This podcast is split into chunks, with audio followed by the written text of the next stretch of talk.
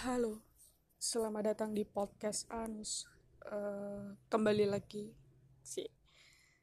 Kali ini aku mau ngomongin soal menjadi penting dan tidak penting, menjadi prioritas dan bukan prioritas. Um,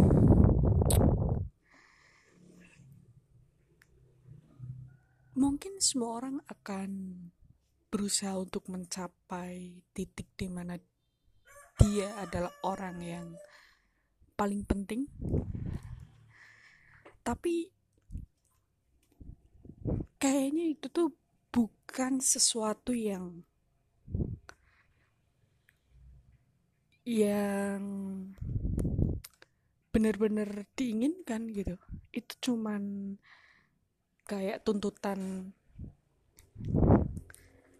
tuntutan masyarakat yang sebenarnya hatimu itu nggak pernah pingin menjadi orang penting gitu.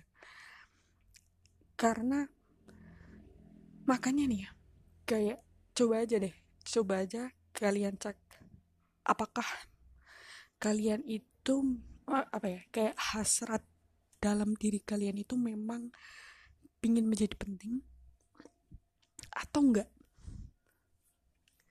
dan mungkin ada gitu orang-orang yang memang memang ingin menjadi penting. Masih hasratnya hasratnya ingin menjadi penting ingin selalu menjadi prioritas dan lain-lain. Cuman ada banyak orang yang juga ternyata nggak nyaman gitu menjadi penting menjadi prioritas. Entah karena memang dia nggak suka menjadi spotlight uh, karena kalau kita menjadi orang penting atau menjadi prioritas dalam dalam komunitas apa pun, dalam kelompok apa pun, entah dalam keluarga, dalam pertemanan, dalam organisasi atau dalam masyarakat, kita pasti akan menjadi spotlight uh, dan ada orang yang gak nyaman. Terus, uh, kenapa aku bisa ngomong kayak gini?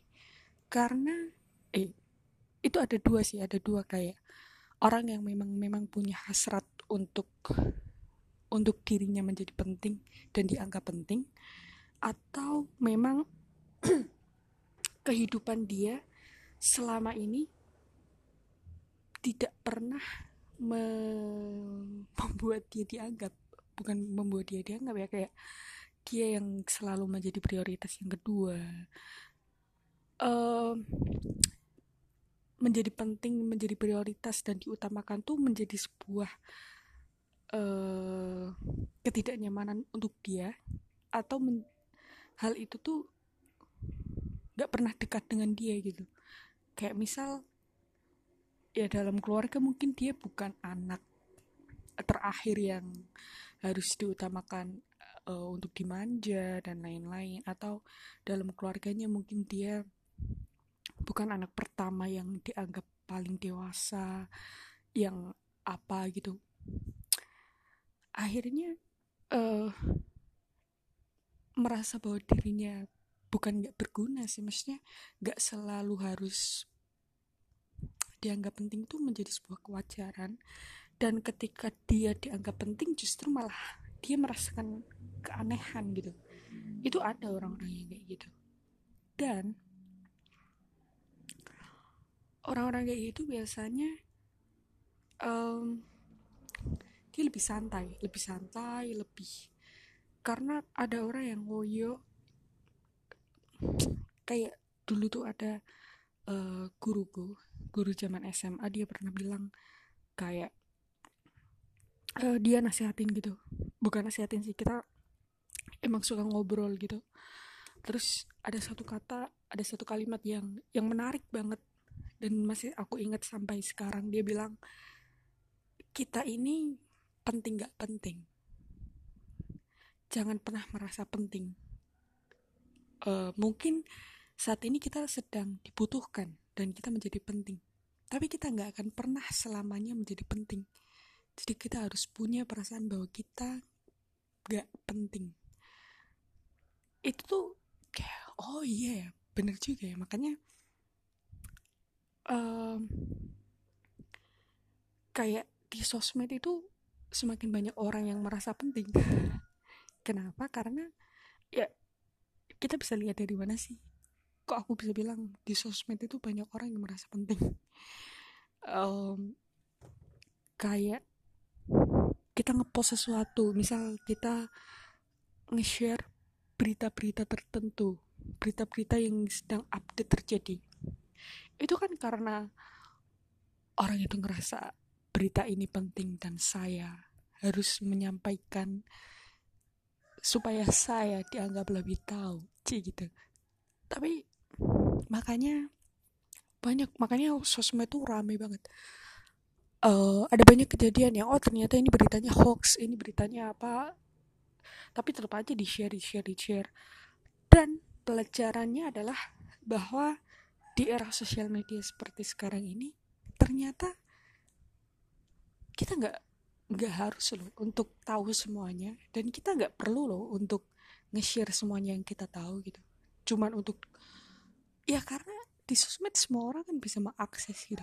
Kalau kita nemu satu artikel berita atau sesuatu informasi yang mungkin dianggap penting ya jangan maksudnya di situ juga mungkin ada jutaan orang lain yang menemukan hal yang sama gitu. Jadi ketika kita nge-share nge-retweet uh, nge-screen capture untuk kita bagikan ke teman-teman yang lain ya mungkin teman-teman yang lain udah juga udah tahu gitu. Kita nge-share itu nggak nggak nggak selalu terlihat keren malah makin ke sini kayak yang selalu nge-share nge-share informasi-informasi kayak gitu kayak malah kayak katrok ya karena pertama kita nggak pernah tahu kebenarannya. Karena kita cuma ngelihat sekilas dan gak semuanya di sosial media itu benar.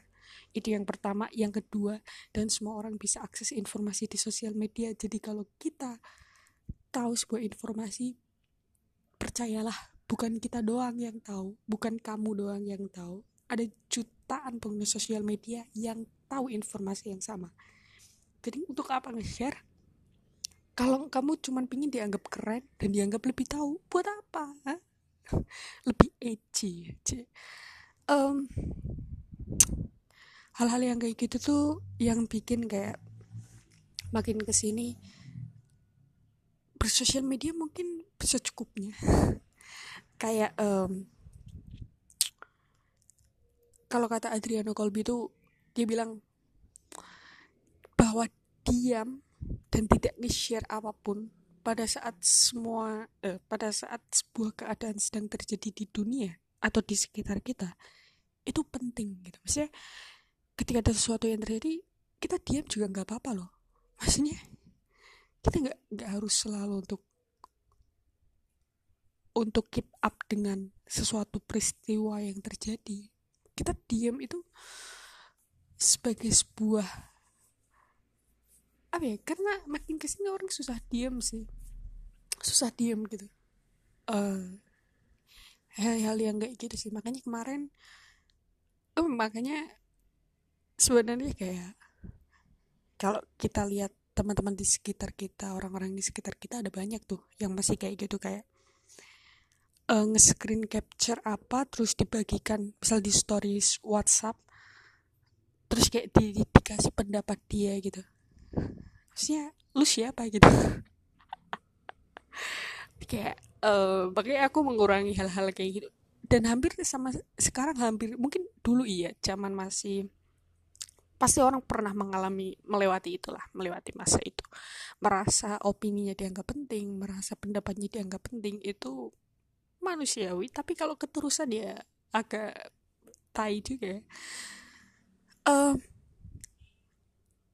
uh, kadang makanya aku lebih sering yang kayak ngelucu aja. Bukan ngelucu mesti kayak kalau pingin membagikan sesuatu ya tapi udah jarang sih aku udah mulai jarang. Kalau di Twitter masih sering kayak nge-tweet apa. Itu untuk keperluan kepala aku sendiri sih biar nggak makin gila jadi harus dikeluarin. Tapi kalau kayak kayak di Instagram di WhatsApp itu udah mulai hampir nggak pernah aku nge-share apa gitu. Kecuali nge-share dagangan ya. Dan sekarang juga udah mulai nggak sih. Karena dagangannya nggak laku. Uh, masih kayak kalau kata Adriano Kalbi itu kalau pendapat lu mau didengar ya lu harus jadi seseorang dulu dong. Maksudnya kalau lu berpendapat soal ekonomi negara yang sedang kacau bla bla bla bla terus lu lu tulis di sosial media lu nobody give a shit man. Maksudnya siapa yang peduli gitu? Lu siapa? Uh, dan lu punya kapabilitas apa untuk mengomentari ekonomi?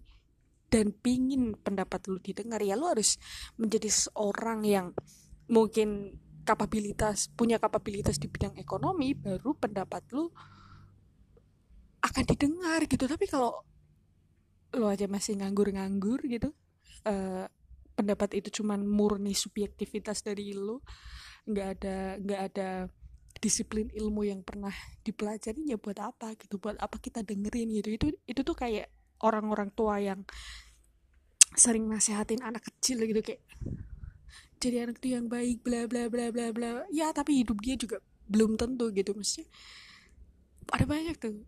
Ada orang yang uh, kalau ngomong tuh eh ini ya, ada orang di sekitarku orang tua orangnya udah tua gitu.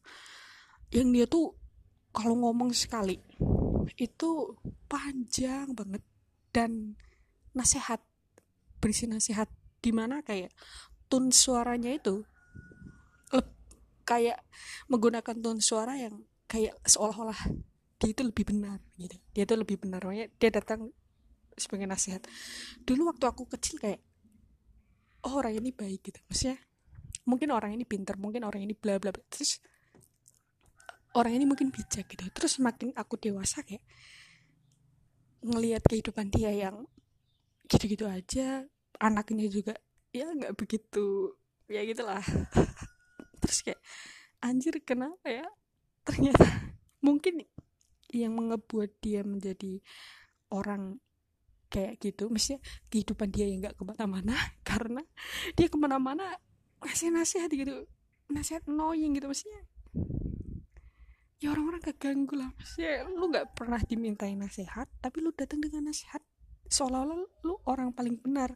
Sementara lu bukan ustad sementara kehidupan lu juga eh gitu-gitu aja gitu. Maksudnya ngapain? I'm sorry. Kayaknya udah deh. Ini ngomel-ngomel mulu sih kayaknya aku akan ada beberapa topik yang akan aku upload dalam sekali waktu.